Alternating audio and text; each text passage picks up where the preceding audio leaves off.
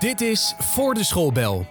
De podcast over gedrag, communicatie en psychologie binnen het onderwijs. Met meester Kwong. Boordevol met inspiratie, tips en vooral herkenbare momenten. Om jou scherp te houden in de rol die jij speelt binnen het onderwijs. Want of je nu docent bent of directeur, we moeten allemaal door dezelfde deur. Met interessante gasten binnen en buiten het onderwijs.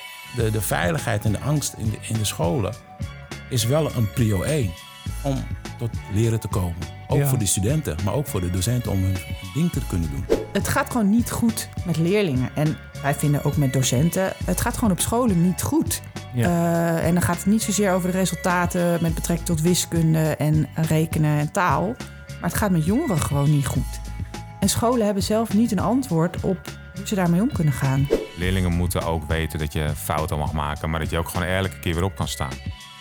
Weet je, en dat eh, als je, als je mooie, leert ja. dat je altijd op kunt staan, dan ga je uiteindelijk goede stappen maken in het leven. Dan kom je er wel. Je kan het hebben over de, de les. En, en of het nou Duits is of wiskunde of, of rekenen.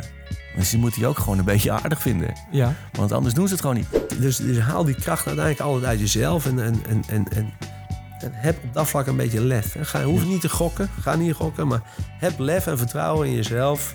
Dat wat jij in je hoofd hebt, dat je dat ook gaat waarmaken. Ja. Ik denk ook dat je er heilig van overtuigd echt diep van binnen bent. Dan maak jij ook al je, al je dromen waar. Abonneer nu op Voor de Schoolbel